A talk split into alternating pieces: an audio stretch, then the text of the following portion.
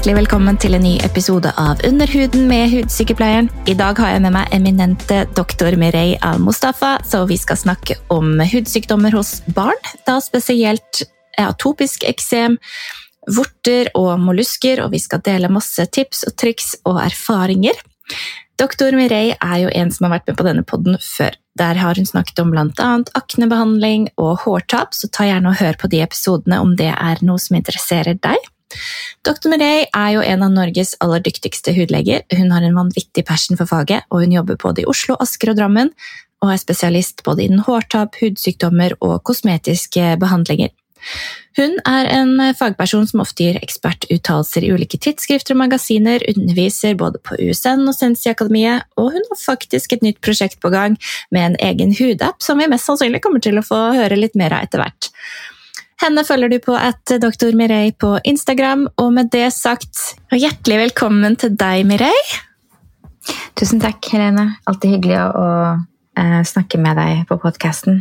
Tusen hjertelig takk for at du stiller opp med din enorme kompetanse på hud. Det er helt, eh, jeg syns det er kjempekult å ha med deg når jeg vet at du er en av de beste i landet. Så tusen hjertelig takk for at du stiller opp for meg og for lytterne mine. Takk for eh, at jeg ble invitert. Jo, bare hyggelig. Vi skal jo gjennom eh, litt innhold i dag. Vi skal snakke om hudsykdommer i forhold til barn. Det er jo noe de aller fleste småbarnsforeldre er innom en eller annen gang i løpet av når barna er små. Um, personlig har jo begge mine barn slitt med atopisk eksem, uh, så jeg tenkte vi kunne starte med det temaet. Det er jo noe du er veldig flink på. Kan ikke du fortelle oss litt om hva det egentlig er? Um, atopisk eksem er jo uh, ganske utbredt uh, hudsykdom og mm. kan debutere ganske tidlig hos barn. De fleste får uh, symptomer på den hudlidelsen før toårsalderen. Ja. gjerne, før, gjerne mens de er spedbarn. Det er jo både miljø og arvelige faktorer som bidrar til utvikling av sykdommen. Det er ikke 100 klarlagt sånn svart på hvitt hva som gjør at eh, det kan oppstå.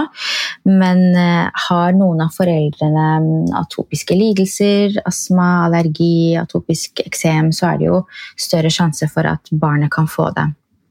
Så det hører med når et barn kommer med et utslett som ser ut som atopisk eksem. Det er jo en, det vi kaller for en klinisk diagnose. Det vil si at ofte så stiller man diagnosen bare ved å se på utslettet. Oh, ja. Det er ikke ofte nødvendig med at du utfører en, en vevsprøve eller uh, blodprøver. Uh, og så hører det med da å høre om det er noen familiehistorikk på eksem. Mm.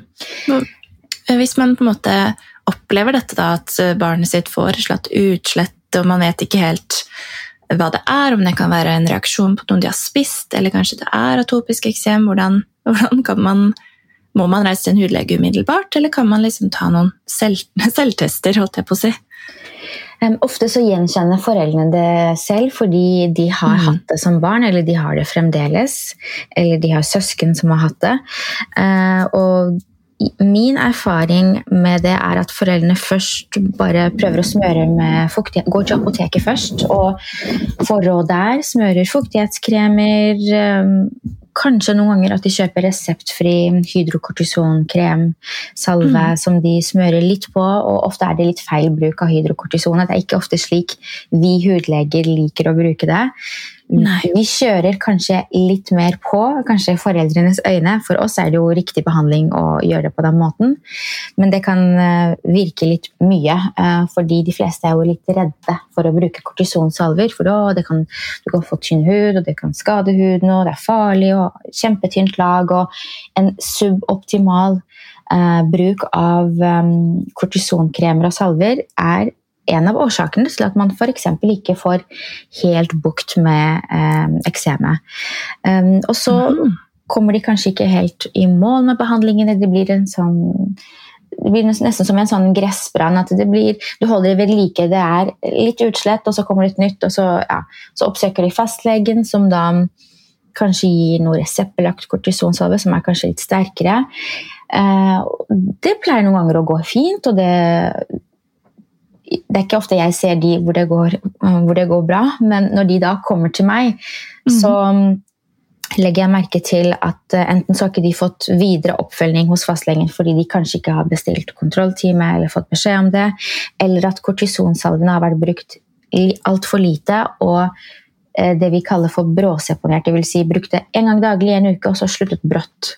Ja, ja, for det er jo nesten Det er jo som du sier, da, man blir litt redd for kortison. Og, og, Jeg vet ikke helt hvorfor det er blitt sånn, men man hører ting og bla, bla, bla. ikke sant? Og så ja. virker det så heftig, som du sier, da, om at du skal ja, smøre to ganger om dagen og ja. Ja, det er en sånn kortisonfobi. Eh, ja. Kortison er ikke farlig, og det er trygt å bruke kortisonsalver så lenge du bruker det innenfor det tidsrommet og i, um, altså, smører akkurat slik hudlegen eller fastlegen har gitt deg beskjed om så mm. pleier det vanligvis å gå fint. Du smører selvfølgelig ikke kortison, uh, sterke kortisonsalver i ansiktet eller på åpne sår, men det er det færreste som gjør. Um, men det er nødvendig å bruke kortison. Uh, det som ikke er bra, er å gå rundt med eksem som eventuelt kan væske, med åpne sår og brutt hudbarriere, hvor det kan komme inn enda flere mikrober og stoffer som potensielt kan gi allergiutvikling senere. Nettopp. Ja, nei, Det jo helt, høres jo veldig logisk ut ja. når du sier det sånn.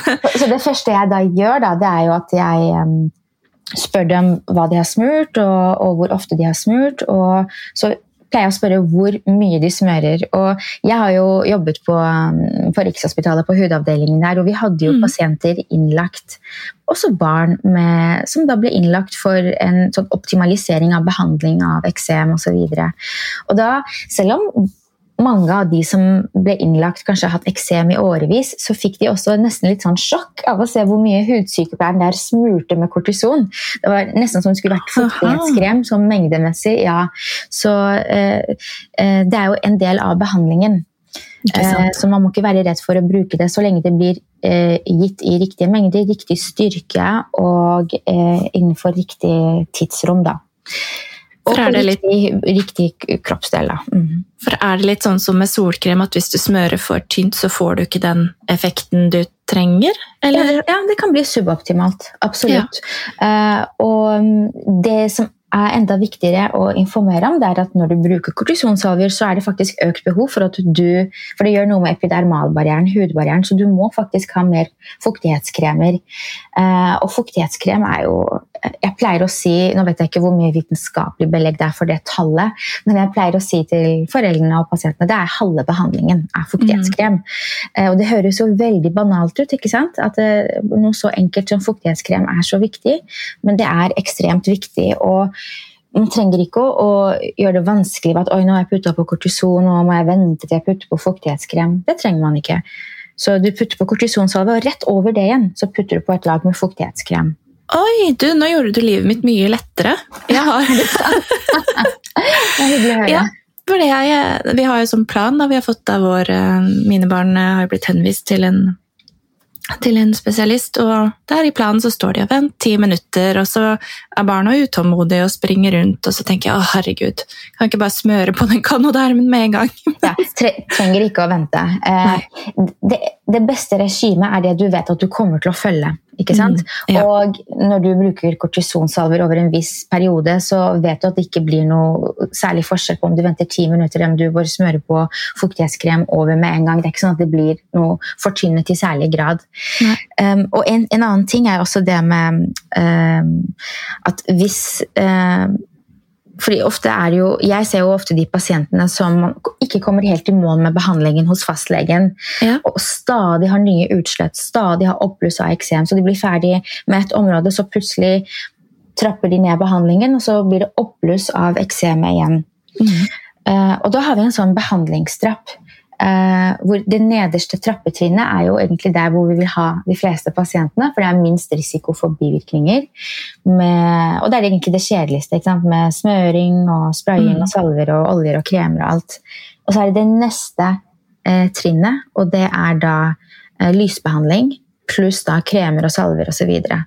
Ja. Um, og um, det er ikke alle reseptbelagte kremer eh, hudlegen gir, som er da kortisonsalver.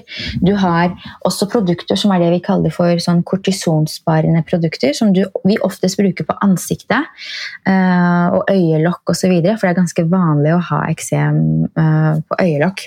Mm. Og da jeg pleier å forklare det sånn på folkemunne som det her er fetteren til kortison. Det er ikke kortison, men det er fetteren til kortison.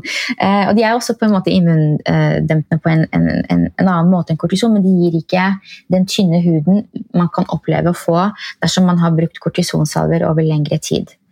Eh, og de eh, de, du bør nok bruke kortisonsalve som en brannslukker først og få eksemet under kontroll. og Så kan du gå over til de andre salvene som eh, inneholder stoffer som takrolimus og pimekrolimus. Mm. Og De kan Stemmer. du bruke i lange perioder. Du kan bruke det daglig en måned, to måneder, tre måneder. Det avhenger av hvor ofte de har eksem. Eh, eventuelt bare som, for å holde oppblusset under sjakk og bare bruke det sånn to ganger ukentlig. Mm. Det kan man også gjøre. For det er jo de, de, preparatene der jeg har fått beskjed om å bruke hvis de har eksem rundt øynene f.eks., mm. er det, er det pga. at kortison kan skade øynene? Hvordan eh, er mekanismen der? Ja, altså eh, Huden rundt øynene er litt mer eh, delikat enn resten på ansiktet. Eh, mm. Og dessuten så er vi ikke vi glad i at kortisonet kommer inn i øyet og kan eventuelt endre trykket i øyet. Så Derfor liker vi å bruke andre preparater. Men jeg bruker kortison rundt øynene noen ganger som en mm. brannslukker før jeg går over til noe annet som jeg kan bruke som vedlikeholdsbehandling. Og Er det da mildest mulig kortison, eller er det mer da på å gønne litt på og få det under kontroll? Ja, nei, det er jo, Vi bruker jo um, reseptbelagt kortison, så det er jo mm. egentlig det vi kaller for gruppe 2. Ja. Um, men uh, det kommer helt an på utslett. Er det kraftig eksem, så gir jeg gruppe 3. Ja. Og så kanskje bare fem dager, en ukes tid. Og så går man over til vedlikeholdsbehandling med det jeg kalte for fetteren til kortison. Ja. Så man får liksom ikke høyt trykk i øyet på en uke på kortison? Sånn. Nei, nei, nei, nei. Da er det lengre men, tid. Jo, ja, og dette er jo kroniske hudlidelser, så du vil helst gi behandling som de, du vet at de kan bruke flere ganger i lengre perioder i løpet av livet uten at det mm. skal gi så mye mulige bivirkninger. Nettopp. Og dette, dette, med de to preparat, eller de navnene du nevnte, det er jo noe som er relativt nytt eh, innen eh, behandlingen, eller hvor lenge har det, har det vært på markedet?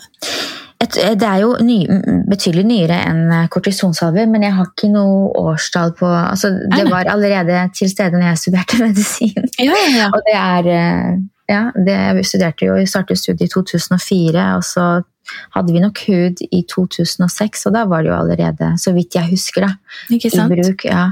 Um, så det eneste jeg husker, da Eller det er ikke det eneste jeg husker, men noe av det jeg husker, er sånn morsomt, det er når jeg studerte medisin i Oslo, så da hadde vi da hud um, den kliniske undervisningen på Rikshospitalet, på hudavdelingen, så sa mm Eh, husker jeg at han ene professoren sa bare 'kortison er ikke farlig'.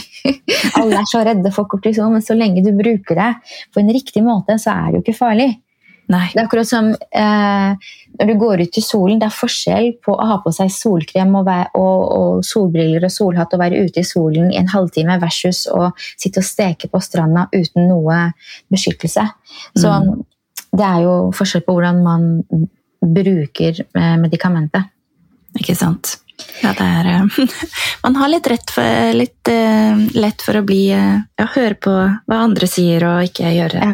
Men bare det du nevnte om um, si, fordi Du nevnte om matallergi og ja, sånn.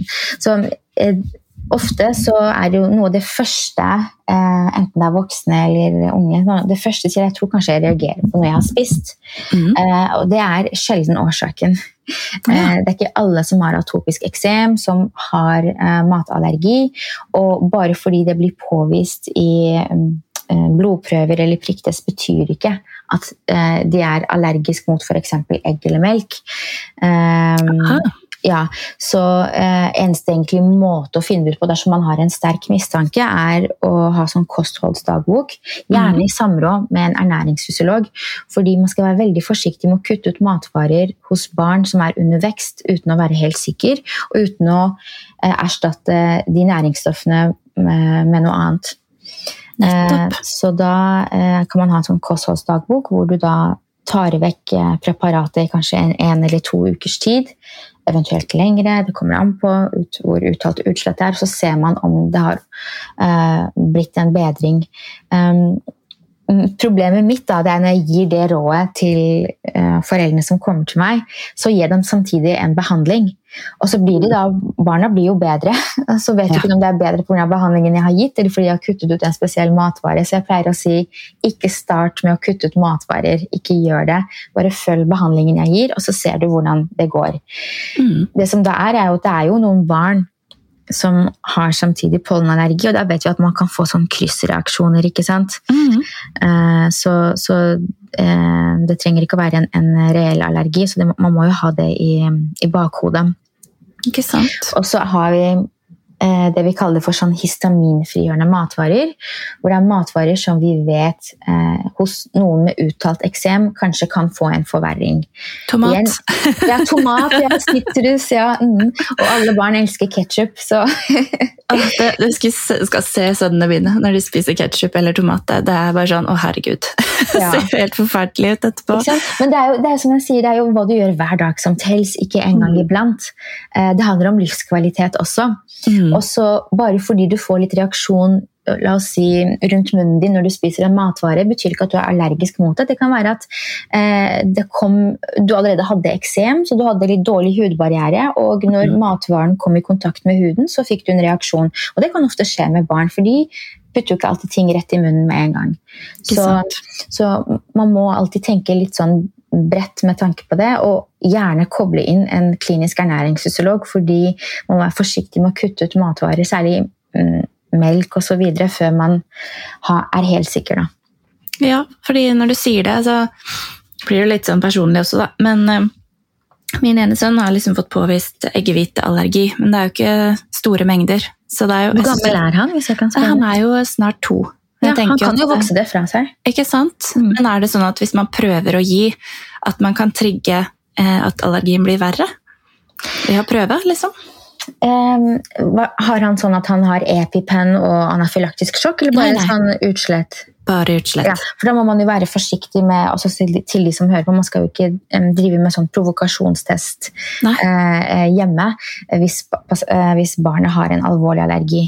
Uh, da, da, må man jo gjøre det i samråd med den spesialisten som følger opp barnet. Mm. to år altså, Du kan kanskje vente ett års tid, to års tid, og så kanskje introdusere det lett og se om, om han får noen symptomer.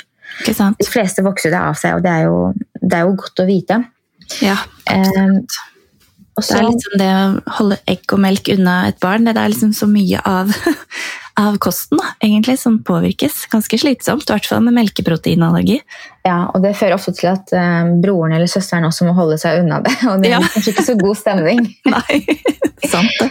Um, en annen ting jeg ofte også ser da, som uh, når foreldre med barn som har atopisk eksem, kommer til meg, det er at eh, de prøver å ikke bade de Eller de, de bader kanskje bare én gang i uken. Mm. Og, og, på en måte så forstår jeg at uh, de, de, gjør det fordi de vil ikke at huden skal bli tørrere, men med alle de kremene man bruker, alle de mhm. fuktighetskremene to-tre ganger om dagen ikke sant? Det holder jo vanligvis ikke med én gang om dagen. Og alle de kortisonsalvene og fuktighetskremene, så blir det mange kremrester på huden, og de må jo vaskes vekk. Ja. Så eh, og, og, at barnet eh, vaskes daglig med en eh, såpefri, eh, eh, såpefri eh, dusjolje, eller, eller, bader med en badeolje, dusjolje, fem minutters tid. Mm. Det pleier vi faktisk å anbefale. Ja. Eh, det er viktig å informere om. Um, og eh, med en gang når de har blitt tørket etter badet, så kan man gjerne smøre på fuktighetskrem. Det er jo en fuktighetskrem som er reseptbelagt i Norge. Eh, som eh, Jeg vet ikke om jeg kan si navnet, men fall, den er i hvert fall reseptbelagt. Og det er jo bare én som, som, som, er kjent, som er det. Mm -hmm. og den er jo eh, Den er jo litt kjent for å, for å svi på huden. Mm. Særlig hvis man har aktivt eksem på gang med, med eh, litt sprekker i huden og dårlig hudbarriere. Så min erfaring med den kremen altså Jeg er veldig glad for at uh, den er reseptbelagt, for den er jo litt dyr, og at folk da som kanskje har flere barn, har råd til å få kjøpt den osv. Mm. Men min erfaring er at eh, barn og uh, eldre med eksem ikke syns den er fet nok. Nei, det... De syns ikke den gir nok fukt. og da pleier jeg å anbefale andre litt fetere kremer som Uh, ja. Den beste fuktighetskremen er den du vet at du kommer til å bruke. Mm. Men det er ikke alltid førstevalget er det beste for deg. Ja, det er ikke alltid det reseptbelagte er et uh, uh, soleklart valg for deg. Og den har jeg opplevd at den, den går fint an å bruke når eksemet er under kontroll, som en sånn vedlikeholdsgreie, men når det er, det er sprekker og det er sårt, så er det, da, da, blir det hylgrining, altså. Ja, ja. på den. Så, så da, da, er det greit å bruke noe apobase eller locobase repair. Eller, ja. Mm. Litt sånn eh, lipidrikt. Ja. Mm. Rett og slett. Men det, det, som er jo bra, det er jo at de fleste som har atopisk eksem, vokser det fra seg. Mm. Um, etter hvert som barnet blir litt eldre altså Det er forskjell på hvordan, hvor eksemet setter seg på kroppen hos uh, spedbarn og barn under to år versus litt eldre barn. Mm. Uh, ofte, uh, etter hvert så setter det seg mer på de typiske områdene som er i bøyefuren, i albuene, i knehaser. Um, Stemmer. Skal jeg si og eh, når de blir eldre, da, si eksemet blir igjen når de er i voksen alder, så kan det sette seg inn på øyelokkene og som håndeksem. Det er ganske vanlig. Mm. Så når voksne kommer til meg med med, jeg, vet, jeg, vet, at vi ikke skal snakke om voksne, men bare nevne det, at jo, når voksne kommer til meg med, med håndeksem, selvfølgelig i tillegg til å spørre om hva de jobber med, eh, la oss si de bare har en kontorjobb, om de pusser opp hjemme osv., om de er i kontakt med noe som kan, eh, ja, som kan gi deg en kontaktallergi. Mm. Så pleier jeg også å spørre om de har hatt eksem som barn. Så, ja, ja, men det har jeg vokst fra meg. Det hadde jeg bare på hele kroppen, eller uh, det hadde jeg på uh, armene og, beina. Men nå er jeg, det er noe helt annet. Jeg er bare på hendene, men det er faktisk en del av samme symptombilde. Ja, for er det ikke sånn at man mangler en viss komponent i overhuden sin når man har atopisk eksem?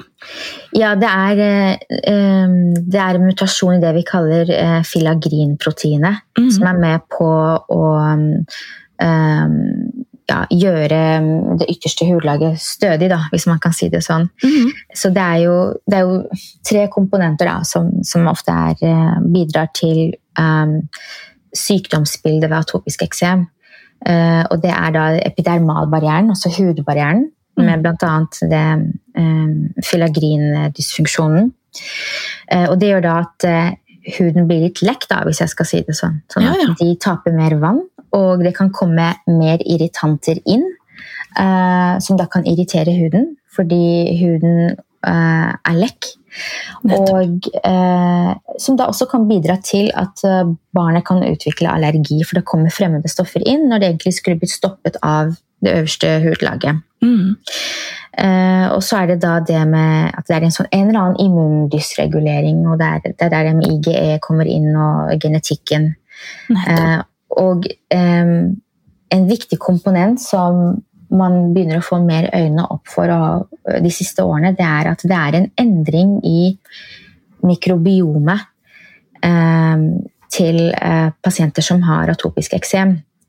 Det er spennende. Ja, det er spennende, og det er et felt man ikke kan nok om. Og det er allerede masse remedier der ute som skal bedre mikrobiomet og laktobasiller og jeg vet ikke hva. Mm. Eh, men det er jo forskjell på mikrobiomet du har i tarmen, og det, nå snakker jeg om det kutane mikrobiomet, altså det du har på huden din.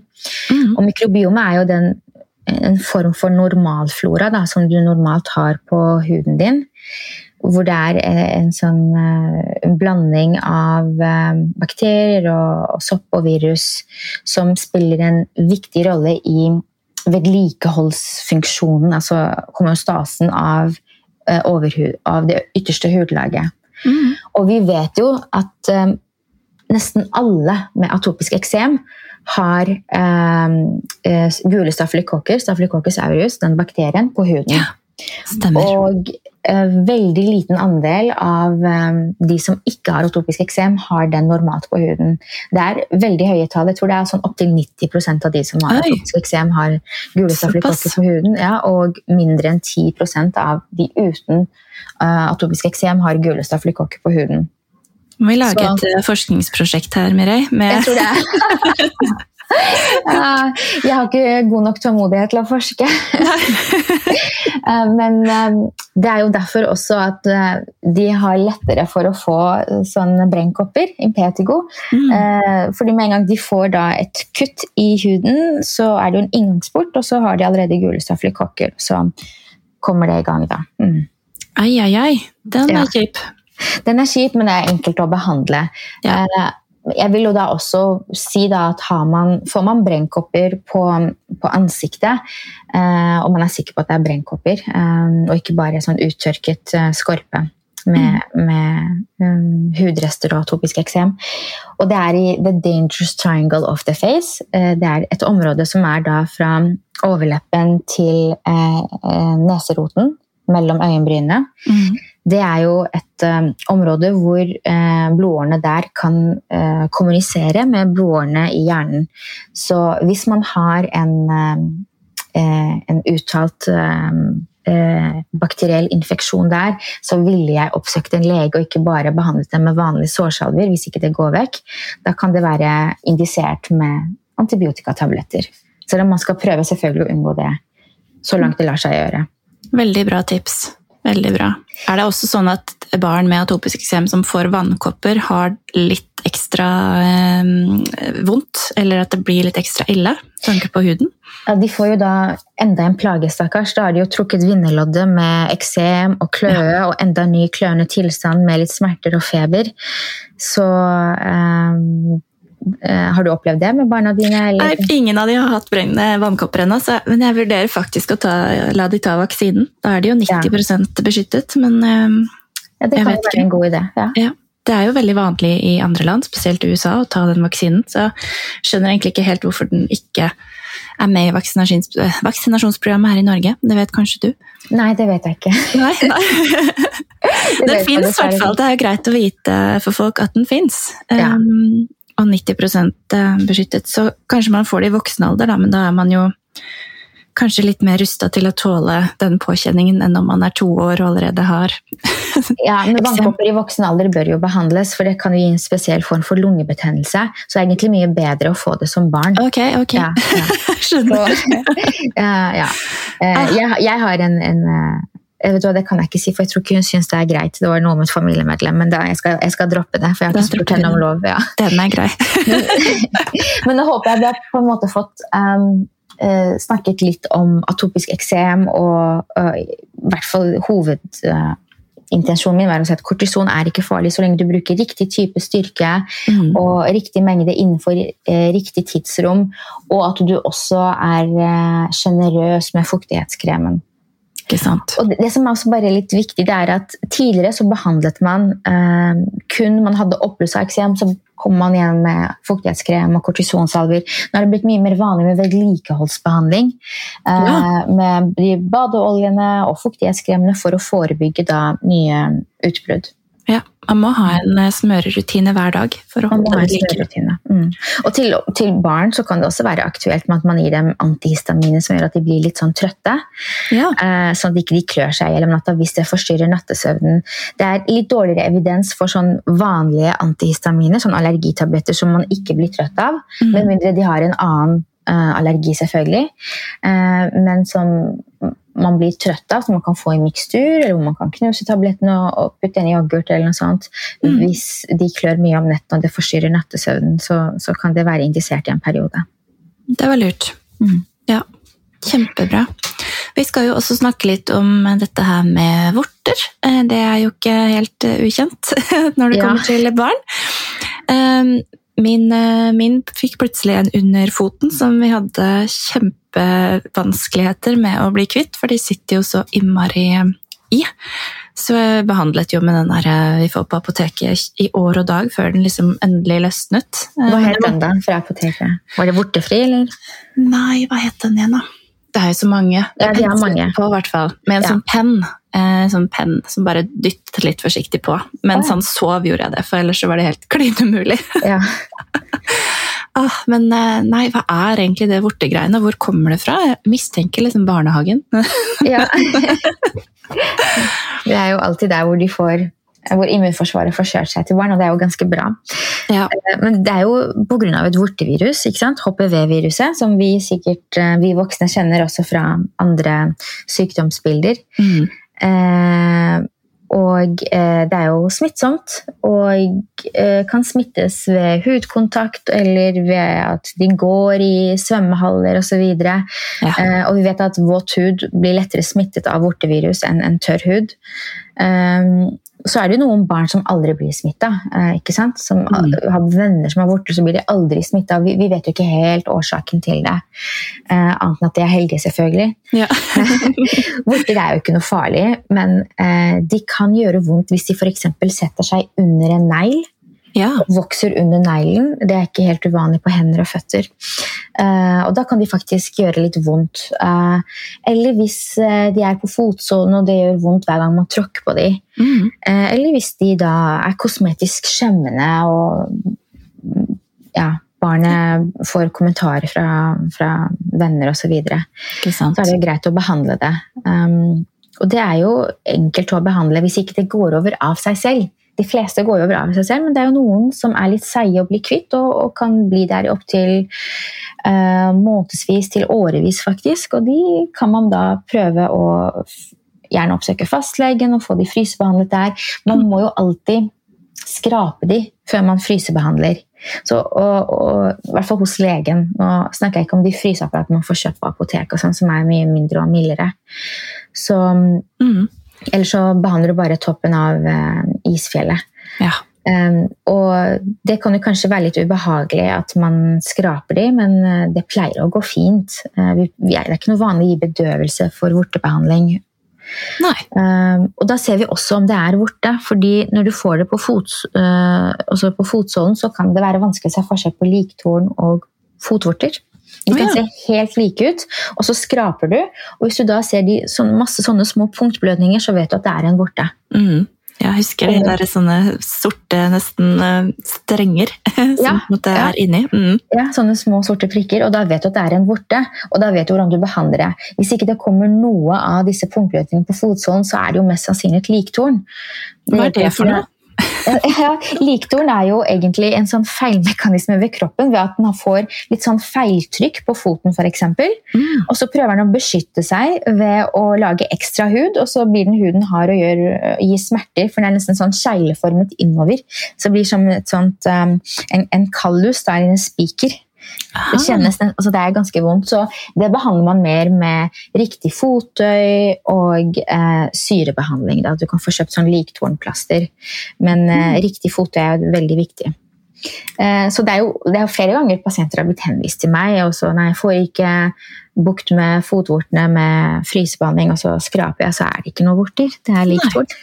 Nettopp. Eh, Ja, det er nesten litt sånn, ja, bra og bra. Jeg føler at det er nesten bedre om de har vorter, for da kan jeg på en måte kurere det i anførselstegn. Men litt sånn er sånn, prøv å finne behagelige sko, og bruk liktornplaster, og ja.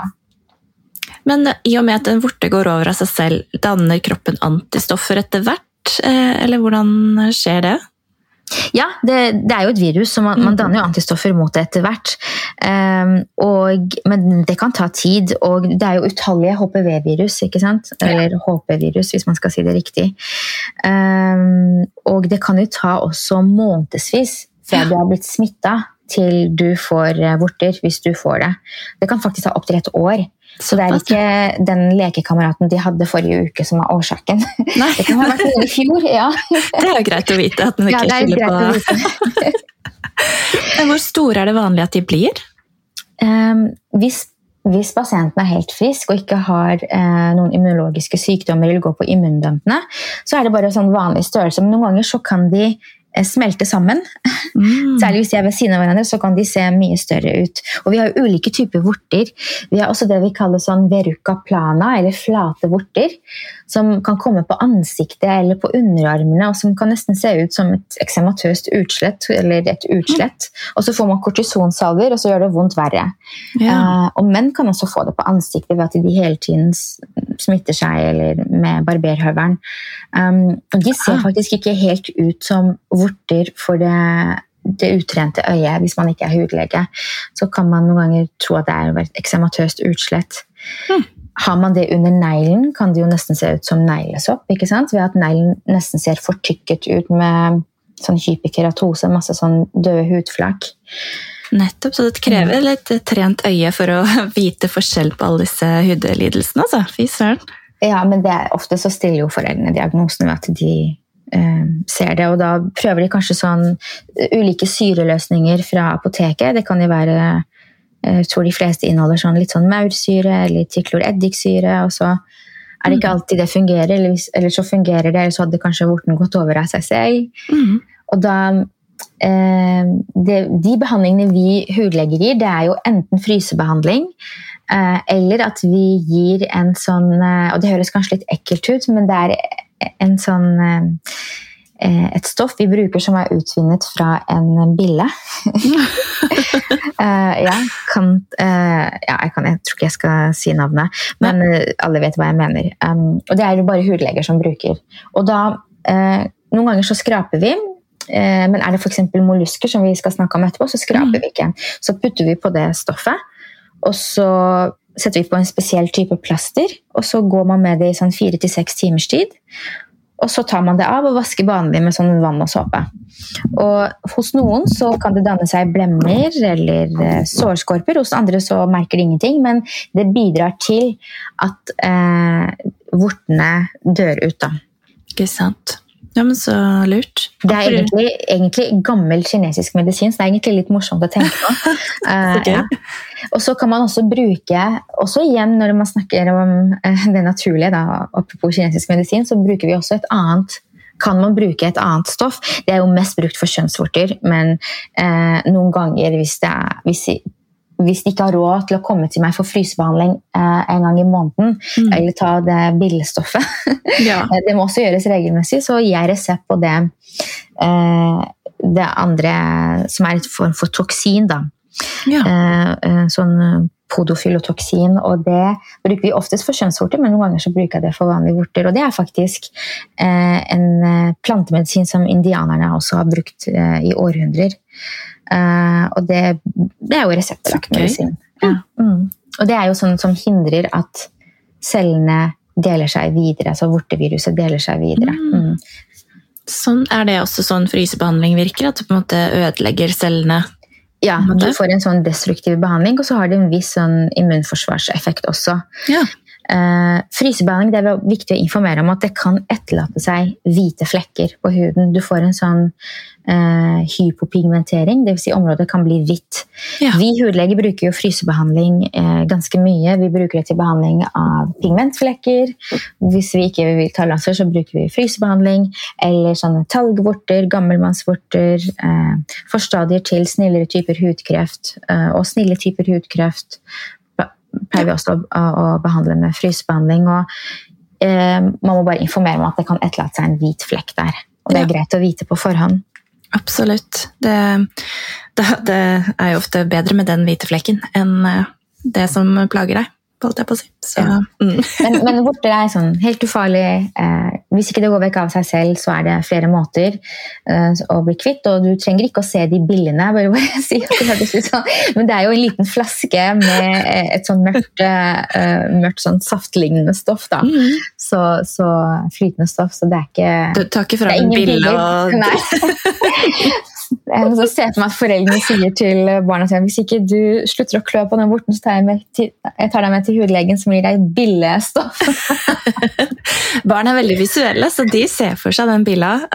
Ja, de blir skuffa når de bare ser en mørk flaske hos meg. Ja. Uff a meg. Det var som når jeg jobba på Barneposten. Jeg måtte jo ikke finne på å si fra hvis man skulle gi en sonde, da. Ja, nå skal du få en slange ned i halsen. Oi, For det, ja, da ser de jo faktisk for seg den slangen ned i Ja. halsen. det har jeg faktisk ikke tenkt på. Ja, det er jo viktig. Ja, det er tips. Men over til denne forferdelige molluskeopplegget som vi må prate litt om. Det, jeg har jo faktisk vært hos deg med, med han minste min, eh, fordi han er ekstremt plaget av det. Hva, fortell litt om disse devils uh, stuff. Ja. Det er jo, eh, det er jo eh, et, også et sånt, sånt pox-virus som Mm. gir eh, mollusker. Eh, og der er jo smitten Der, der kommer ofte symptomene Eller molluskene kommer mye raskere. Bare etter noen uker kommer de, Mm. i motsetning til vortevirus. Eh, og de er ikke noe farlige. Eh, de forsvinner oftest av seg selv eh, i løpet av noen måneder, et års tid, men hos noen så kan de vedvare i lengre perioder. Ja. Um, og det kan noen ganger danne seg litt sånn eksematøs reaksjon rundt, og så begynner man å klø på det, og så smitter man seg selv, og så får man det flere steder på kroppen. Mm. Eh, man kan også få det på ansiktet. Um, og man må ikke behandles. Eh, man har en sånn vent-og-se-holdning, men hvis eh, de klør veldig eller eh, plager pasienten kosmetisk, så kan man enten da på en måte skjære de vekk med en sånn skarp skje. Da får barnet bedøvelse, selvfølgelig. Mm. Eller så frysebehandler man dem.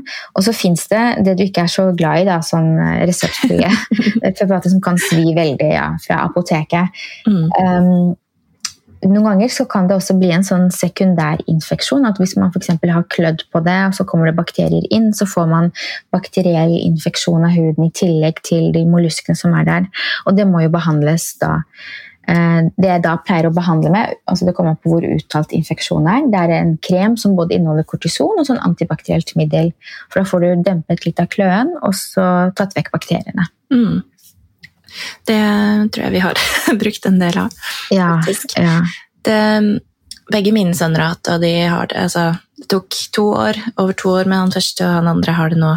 Ja, Såpass, ja. snart, eh, Jeg har hatt det siden han var tre måneder, og han er snart to år. Han har over 200 stykker på kroppen. Oi! Og du har faktisk telt dem, Helene? Jeg har telt. og han, bare, så vi, bare jeg skal peke på en, så trekker han beinet til seg og sier «Mm, Nei, han er så Ja. sår på de, og han klør på de om natten, og det er eh, blod på lakenet, og det er sånn skorper og Nei.